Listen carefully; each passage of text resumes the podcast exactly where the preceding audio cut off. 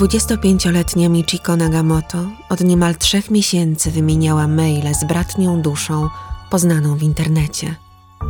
Mężczyzna zaczepił ją na forum dla samobójców. Zaczęli pisać ze sobą i planować wspólną śmierć. Organizacją zajął się on. Michiko miała tylko wsiąść do wynajętego auta zaparkowanego w ustronnym miejscu i pożegnać się z życiem. Wybrali zatrucie tlenkiem węgla w szczelnie zamkniętym samochodzie, metodę popularną wśród japońskich samobójców, podobno bezbolesną i łagodną. 19 lutego 2005 roku, około godziny 22, Michiko zjawiła się w umówionym miejscu na parkingu w Kawachinagano w prefekturze Osaka. Wsiadła do auta, w którym czekał na nią 37-letni mężczyzna. Dalszy ciąg ich pierwszego i ostatniego spotkania nie przebiegł tak, jak spodziewała się Nagamoto. Została obezwładniona, skrępowana i uduszona gołymi rękami. Napastnik rozebrał zwłoki i nagie wywiózł nad rzekę na terenie górzystej okolicy miasta. Ciało wrzucił do wykopanego wcześniej dołu. Policja odnalazła zwłoki Nagamoto cztery dni później, 23 lutego. Zidentyfikowano ją dzięki odbitkom palców. Policja wpadła na trop sprawcy, analizując korespondencję mailową kobiety. Kolejną poszlaką wskazującą na udział mężczyzny w zbrodni była umowa, jaką zawarł w celu wynajęcia samochodu, w którym dokonano morderstwa. Tym sposobem, krok po kroku, dotarto do podejrzanego Hiroshiego Maełę. W piątkowy wieczór 5 sierpnia tego samego roku Maełę został aresztowany. Hiroshi, niewyróżniający się pracownik Agencji Pośrednictwa Pracy Tymczasowej, przyznał się do zabicia Nagamoto. Ku zaskoczeniu śledczych wyznał, że zamordował jeszcze dwie osoby w podobny sposób. Następnego dnia policja znalazła szczątki chłopca zakopane na zboczu góry. Czternastolatka, który chciał odebrać sobie życie, wybrał na innym forum dla samobójców. Zawarł z nim fałszywy pakt samobójczy. 21 maja 2005 roku w samochodzie, w którym mieli zatruć się tlenkiem węgla z palnika na węgiel drzewny, udusił chłopca. Znów gołymi rękami i znów nagrał agonię swojej ofiary. Jedne źródła podają, że nagrywał na dyktafon, inne, że filmował morderstwo. Niezależnie od tego, w jaki sposób uwieczniał swoje zbrodnie, robił to dla własnej przyjemności, by potem odtwarzać chwilę cierpienia ofiar i czerpać z tego satysfakcję seksualną. Chociaż nagie ciało uduszonego chłopaka porzucił w górach, rozciągających się na południe od miasta, po dokonaniu zbrodni skontaktował się telefonicznie z ojcem czternastolatka. Telefon przyłożył do dyktafonu, na którym nagrał żądanie okupu. Oczekiwał za zwrócenie chłopca trzech milionów jenów w gotówce. Odbiór okupu nie powiódł się. Trzy tygodnie później, 10 czerwca, zabił kolejnego członka internetowego klubu samobójców, 21-letniego studenta. Zastosował ten sam modus operandi. Zwłoki porzucił poza miastem. Kim był? Dlaczego polował w sieci? I czy rzeczywiście sam planował samobójstwo? Posłuchajcie.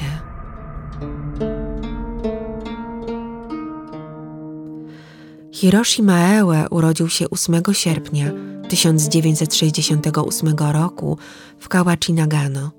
Przeciętny Japończyk z przeciętnej japońskiej rodziny. Twierdził, że w okresie dorastania przeczytał w powieści kryminalnej o morderstwie dokonanym w sposób, który odtworzy trzykrotnie wiele lat później. Scena duszenia ofiary tak mocno wryła mu się w pamięć, że stała się jego idea fix do tego stopnia, że w ogóle nie mógł osiągnąć satysfakcji seksualnej. Wiedział, że satysfakcję mógł osiągnąć tylko dusząc człowieka. Zaburzenie pogłębiało się z wiekiem, parafilia stawała się w jego przypadku coraz bardziej niebezpieczna. Być może uznacie to za zabawne, jednak muszę jeszcze wspomnieć, że jego fetyszem były białe skarpetki. Za chwilę przekonacie się, że erotyczne fantazje Hiroshiego zdeterminowały całkowicie jego życie. Podporządkował się swojemu popędowi. Studiował w Instytucie Technologicznym Kanazawa w Nonoichi. Już jako dwudziestoletni student próbował udusić swojego przyjaciela, który nosił białe skarpety. Za ten czyn w 1988 roku wyrzucono go ze szkoły. Bez wykształcenia podejmował się różnych prac. W 1995 roku został aresztowany za napaść, pobicie i grożenie pistoletem gazowym koledze z pracy na poczcie. Sąd go uniewinnił, ale pracę stracił. W 2001 roku Maełę aresztowano za próbę uduszenia dwóch kobiet, przypadkowo spotkanych na ulicy. Skazano go na rok pracy przymusowej plus trzy lata więzienia w zawieszeniu. Nie odbył nawet 12 miesięcy kary. Zwolniono go za dobre sprawowanie. W kolejnym roku próbował udusić gimnazjalista. Dusiciel recydywista został ponownie zatrzymany i tym razem skazany na rok i 10 miesięcy więzienia. Po odbyciu śmiesznie niskiej kary zabił w ciągu czterech miesięcy trzy osoby z internetowego klubu samobójców. Sam nie planował pozbawiać się życia. Zawierał udawane pakty samobójcze, by zaspokoić swoje seksualne pragnienia. Wykorzystywał słabość swoich ofiar, które szukały wsparcia w osobach o podobnych planach. Obiecywał wspólną śmierć. Wracamy do momentu, w którym został złapany w sierpniu 2005 roku. Biegli psychiatrze uznali Hiroshiego za poczytalnego, mógł odpowiadać za swoje zbrodnie. W trakcie procesu zapytany przez sędziego, czy ponownie popełniłby podobny czyn, odpowiedział: Mam obawy, że tak. Tłumaczył, że chciał oglądać twarz w agonii. 28 marca 2007 roku Sąd Okręgowy w Osace skazał go na karę śmierci przez powieszenie. Przewodniczący składu sędziowskiego Kazuo Mizushima podkreślał okrucieństwo seryjnych zabójstw Maełe oraz niemożliwość resocjalizacji. Morderca nie potrafił zapanować nad swoim popędem na widok cierpiącej, duszonej ofiary. Jest brutalny, bez serca, diabelski, a jego skłonność seksualna jest głęboko zakorzeniona i trudna do złagodzenia, powiedział sędzia, co zanotował dziennikarz Japan Times. Obrońca skazanego złożył apelację, ale Maeue nalegał, że powinien zapłacić za swoje przestępstwa śmiercią. 5 lipca wycofał apelację wbrew woli adwokata.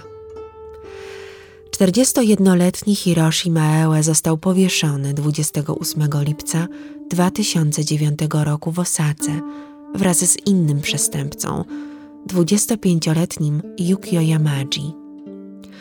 Młody morderca w 2000 roku zamordował własną matkę. 50-latkę zatłukł na śmierć kijem baseballowym. Miał wtedy 16 lat. Nie odsiedział nawet dwóch i pół roku więzienia – został zwolniony warunkowo. Domyślacie się, że nie przestał mordować, prawda? Wiara systemu w szybką resocjalizację, podobnie jak w przypadku Hiroshiego, zawiodła i tym razem. W 2005 roku Yukio Yamaji zgwałcił i zamordował nożem 27-letnią kobietę i jej 19-letnią siostrę. Okradł ofiary i podpalił ich mieszkanie. W areszcie w Osace oświadczył policji. Nie mogłem zapomnieć uczucia, kiedy zabiłem moją matkę i chciałem zobaczyć znowu ludzką krew. Tak jak Hiroshi Maeue, skazany na śmierć, sam wycofał apelację swojego obrońcy i doczekał egzekucji. Tego samego dnia powieszono również 41-letniego Chińczyka, Chena de Tonga w Tokio. Zabił trzech swoich rodaków, trzech innych ranił w Kawasaki w 1999 roku. W latach dwutysięcznych, według Światowej Organizacji Zdrowia, Japonia miała najwyższy wskaźnik samobójstw w uprzemysłowionym świecie. 24,1 samobójstw na 100 tysięcy osób rocznie. Obecnie te liczby się zmieniły, ale o tym za chwilę. Od tamtej pory stracono do końca 2021 roku 52 osoby w Japonii, w tym dwie morderczynie. Hiroshi Maewa nie był jedynym oszustem i mordercą wabiącym potencjalnych samobójców. W 2017 roku pojawił się tak zwany Twitter Killer.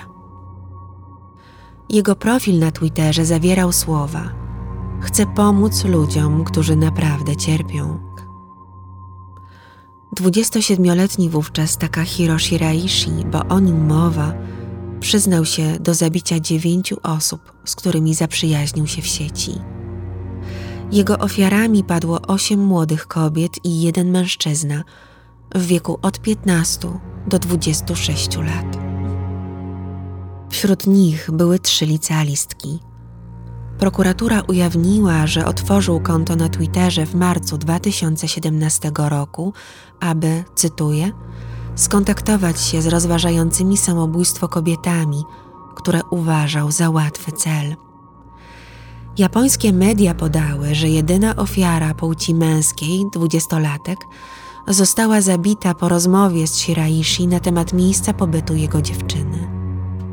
Młoda kobieta już wtedy nie żyła.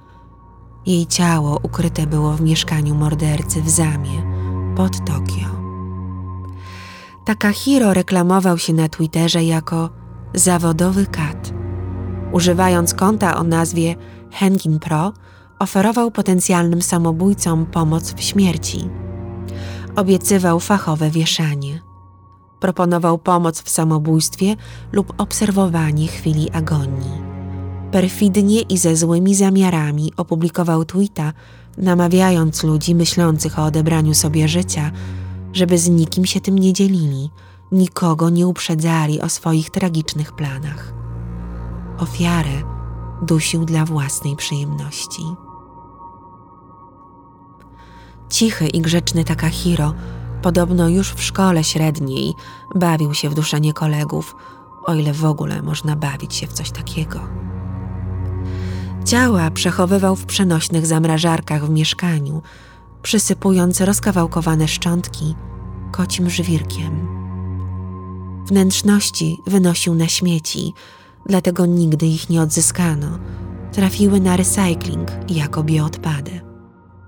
Sąsiedzi oczywiście skarżyli się na smród dochodzący z jego mieszkania, podobnie jak w historii Jeffreya Damera, który przechowywał części zwłok w beczkach i w lodówce. Hiroshi również zupełnie jak amerykański osławiony kanibal z Milwaukee, twierdził potem, że jego motywem był seks.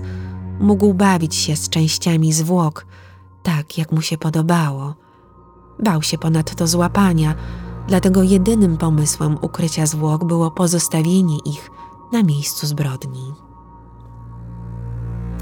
Brat jednej z zaginionych dziewczyn prowadził prywatne śledztwo w sprawie jej zniknięcia. Włamał się na twitterowe konto siostry i przekonał się, że została zwabiona. Wtedy do akcji wkroczyła inna kobieta, która pomogła mu skontaktować się z Twitter Killerem, umówiła spotkanie na stacji kolejowej, na które przyszedł sam zainteresowany rankiem 31 października 2017 roku. Nie wiedział, że obserwuje go policja. W umówionym miejscu stał absolutnie niepozorny, młody mężczyzna. Niczym się nie wyróżniał, dosłownie wtapiał się w tłum. Jeszcze niedawno był pracownikiem supermarketu, potem parał się naganianiem klientów do domów publicznych w dzielnicy Czerwonych Latarni w Tokio. Aresztowano go w lutym tego samego roku za udział w przestępczości zorganizowanej. Dostał karę więzienia w zawieszeniu. Szkoda. Sąd, zatrzymując go, mógł uratować życie dziewięciu osób. Teraz Shiraishi stał na stacji rozczarowany, że łowy nie dojdą do skutku tym razem. Skierował się do domu. Podążyli za nim policjanci. Pod drzwiami jego mieszkania przestali działać w ukryciu. Zapukali i zapytali wprost, co stało się z 23-latką, z którą umówił się na Twitterze i których spotkanie zostało zarejestrowane przez jedną z ulicznych kamer przemysłowych. W odpowiedzi wskazał na zamrażarkę. W ośmiu przenośnych lodówkach znaleziono głowy, ręce i nogi dziewięciu osób. Młodzi ludzie zginęli między sierpniem a październikiem 2017 roku. Pierwszą kobietę, swoją znajomą, zabił tuż po przeprowadzce do Zamy po 22 sierpnia. Trzy dni rozczłonkowywał jej zwłoki. Drugi zginął chłopak ofiary, zaniepokojony jej zniknięciem. Jego ciało pociął w jeden dzień. Policja długo głowiła się, w jaki sposób Takahiro zdołał mordować niemal co tydzień, jak ukrył krzyki ofiar, hałasy przy ćwiartowaniu ciał, czemu nikt nie reagował. Podejrzewano nawet, że musiał mieć wspólnika. Podczas procesu prawnicy Shiraishiego twierdzili, że jego ofiary zgodziły się na śmierć, więc zarzuty powinny zostać zredukowane do morderstwa za zgodą. Tym samym Shiraishi powinien był usłyszeć w miarę niski wyrok od 6 miesięcy do 7 lat pozbawienia wolności. Takahiro nie zgadzał się ze swoimi obrońcami. Powiedział lokalnemu dziennikowi Mainichi Shimbun, że dokonywał zabójstw bez zgody swoich ofiar. Z tyłu głowy ofiar były siniaki. To znaczy, że nie było zgody i zrobiłem to, żeby nie stawiały oporu. 1 października 2020 roku przyznał się do wszystkich zbrodni. Motywował je raz gwałtem, raz kradzieżą. Nie widział sensu życia, co powiedział swojemu ojcu na kilka miesięcy przed serią zbrodni. Jednak sam nie planował samobójstwa. Sędzia Jaoku Nijano uznał go za w pełni odpowiedzialnego za okrutne morderstwa. 15 grudnia 2020 roku Takahiro Shiraishi został skazany na śmierć przez powieszenie. Zadeklarował, że nie będzie odwoływał się od wyroku. Nazwiska jego ofiar nie zostały podane do publicznej wiadomości. Morderca oczekuje na egzekucję. Jego historia wpłynęła na wdrożenie pewnych zmian w polityce społeczności Twittera. Wprowadzono zakaz, cytuję, promowania czy zachęcania do samobójstwa lub samookaleczenia. Czy jest skuteczny, to już zupełnie inna historia. Japonia ma niski wskaźnik seryjnych zabójstw w porównaniu z resztą świata. Uchodzi za bardzo bezpieczne miejsce. Jednak jest krajem, w którym ciężko niektórym żyć i wielu Japończyków postanawia popełnić samobójstwo. Współczynnik skutecznych samobójstw według WHO w Japonii wynosił 15,3 na 100 tysięcy osób w 2019 roku, co oznacza 25 tysięcy samobójców, 70 samobójstw dziennie. Dla porównania, w tym samym czasie w Stanach Zjednoczonych było nieco więcej ofiar 16,1 na 100 tysięcy osób, a w Polsce było to 11,3 tyle samo co na przykład w Luksemburgu. Obecnie w Azji najwięcej osób odbiera sobie życie w Korei Południowej. W Europie tragiczny prym wiodą Litwini i Białorusini. W Afryce i Ameryce Południowej samobójców jest dużo, dużo więcej. W Japonii sprawa jest bardzo złożona. Wyobraźcie sobie kulturę, w której uczy się dzieci, jak odbierać sobie życie.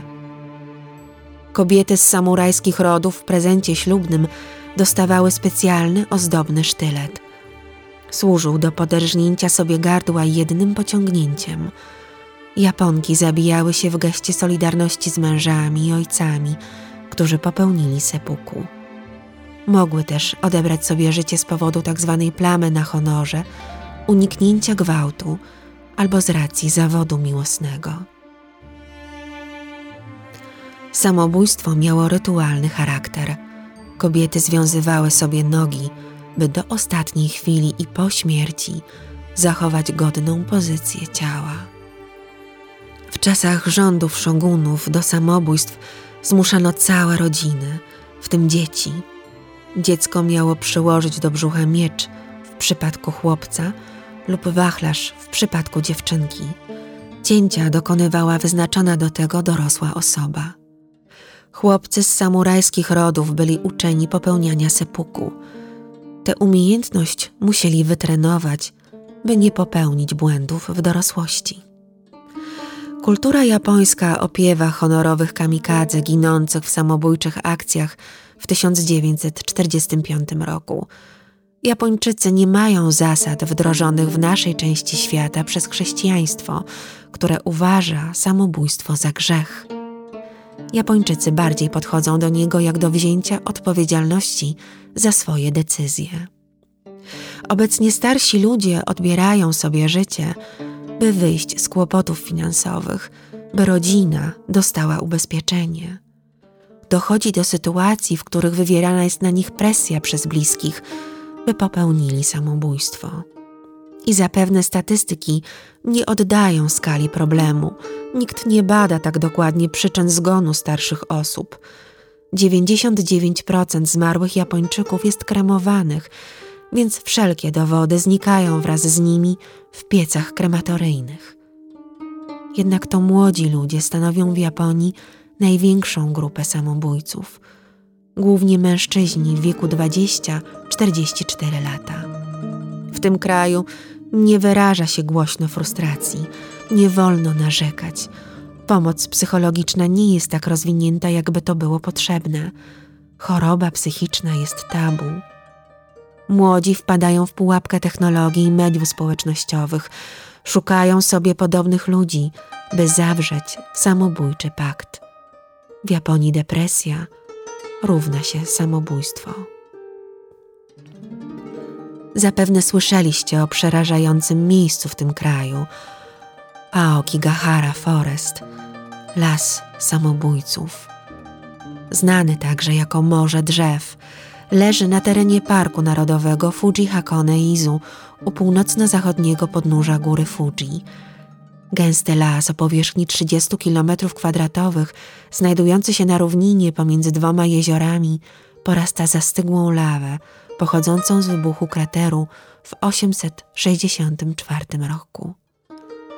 Miejsce jest niezwykłe. Mieszany las jest gęsty, drzewa porasta mech. Ciężko się tam poruszać z powodu nierównego terenu, jaki wyrzeźbiła lawa, również absorbująca dźwięki. W lesie panuje cisza. Powietrze niemal stoi, wiatr tu nie dociera. Zachodnia część lasu, która skrywa lodowe jaskinie, jest często odwiedzana przez turystów i szkolne wycieczki. Jest też pełna śmieci. Turyści oklejają drzewa kolorowymi tasiemkami i sznurkami, by zapamiętać drogę powrotną. Las doczekał się swojej legendy domu duchów. W ostatnich latach stał się jednym z najpopularniejszych miejsc, w których dokonywano samobójstw. Smutną palmę pierwszeństwa na świecie dzierży most Golden Gate w San Francisco, a Okigahara zajmuje zapewne drugie miejsce. Statystyki mówią o różnych liczbach, ale szacuje się, że około 105 samobójstw rocznie popełnianych jest w tym lesie. W 2003 roku znaleziono 105 ciał, w 2002 roku było ich 78, w 2010 ponad 200 osób próbowało odebrać sobie życie w tym miejscu. 54 osoby skutecznie Uważa się, że najwięcej samobójczych prób podejmowanych jest w marcu, na końcu roku podatkowego w Japonii. Zwykle ludzie wybierają powieszenie, otrucie lub przedawkowanie. W ostatnich latach oficjalnie zaprzestano podawania do publicznej wiadomości liczby prób samobójczych w lesie. Od 1970 roku wolontariusze przeczesują miejsce w poszukiwaniu samobójców, żywych martwych. Na wejściu do lasu postawiono tablicę z napisem w języku japońskim z prośbą o nieodbieranie sobie życia, lecz szukanie pomocy. Podane są wszelkie pomocne kontakty. Nie ma wytyczonych szlaków w lesie. W żaden sposób nie ułatwia się zagłębiania w mroczną gęstwinę. Popularność miejsca przypisuje się Seicho Matsumoto i jego książkom opublikowanym w 1960 roku Pagoda fal i czarne morze drzew, choć samobójstwa popełniano tam już wcześniej. W XIX wieku zostawiano tu starych i niepotrzebnych ludzi na śmierć. Największy wzrost liczby samobójstw nastąpił po publikacji książki Kompletny podręcznik samobójstwa autorstwa Wataru Tsurumi w 1993 roku, gdzie las Aokigahara opisany jest jako idealne miejsce na zakończenie życia. Las przeczesują również poszukiwacze czaszek i innych ludzkich kości. W opowieści, którą Wam przedstawiam, jest jeszcze jedna bolesna kwestia. Japonia jest jedynym dużym rozwiniętym krajem poza Stanami Zjednoczonymi, który stosuje karę śmierci. Kraj ten regularnie jest pod ostrzałem Unii Europejskiej i Amnesty International. Czy wiecie, że w Japonii wykonuje się karę śmierci, ale nie ma kata? Otóż tak.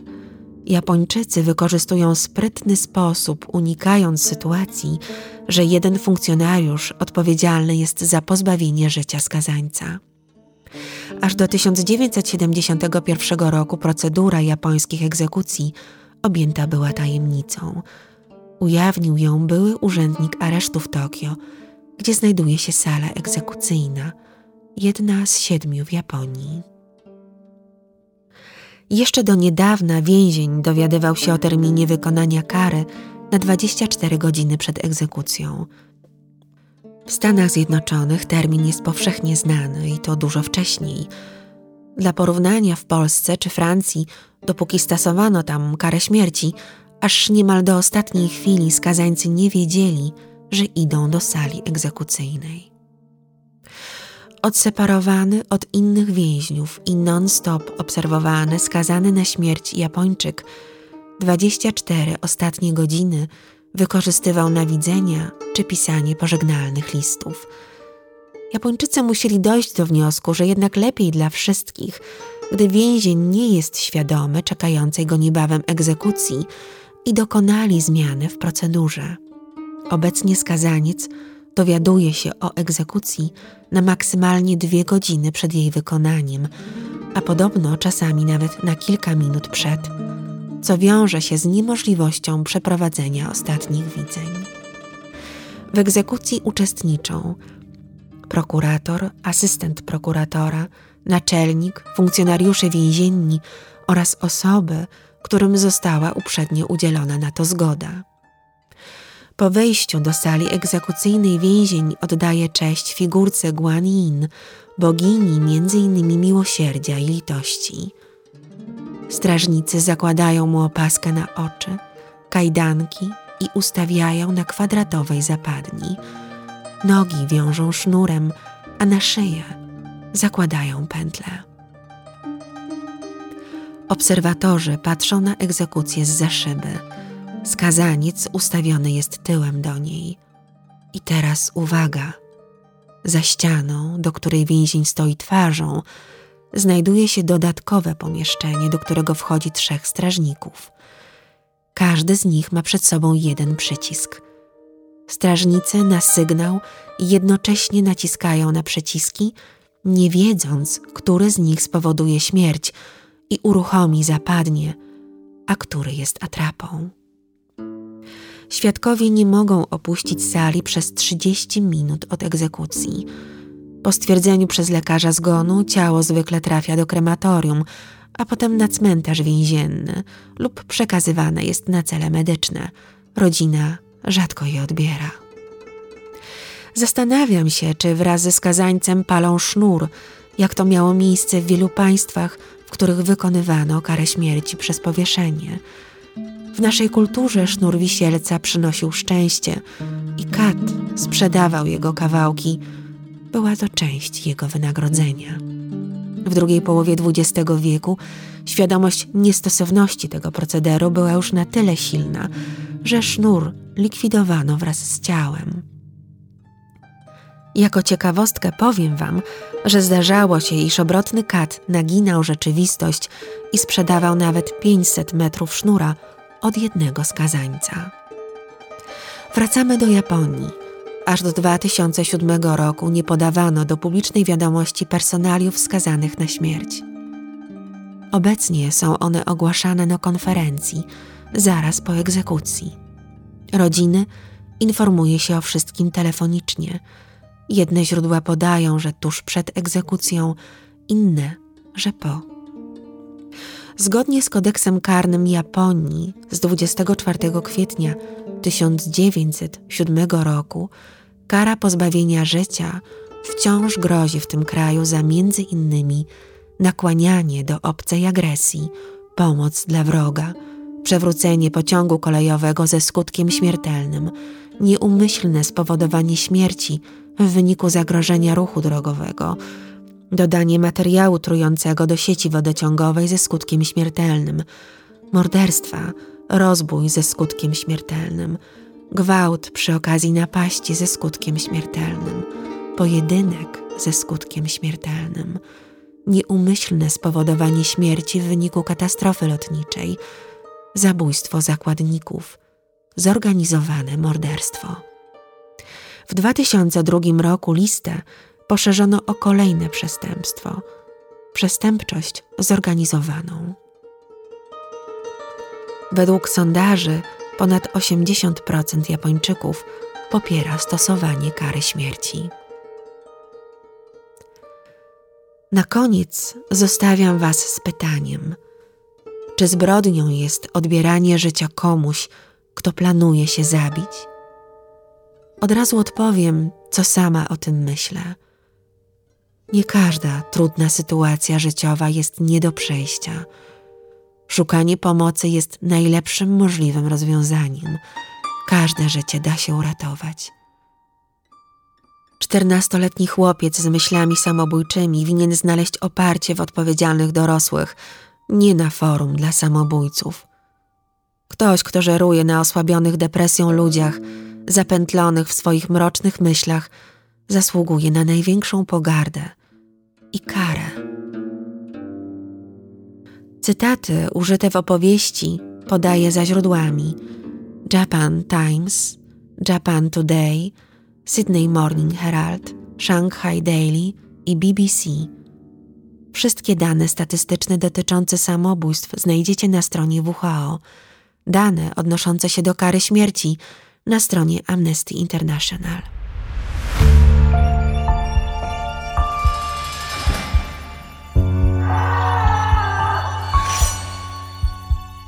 Dziękuję za Waszą uwagę. Do usłyszenia i do zobaczenia w moim worku kości w Warszawie przy ulicy Bagatela 10. Renata z worka kości.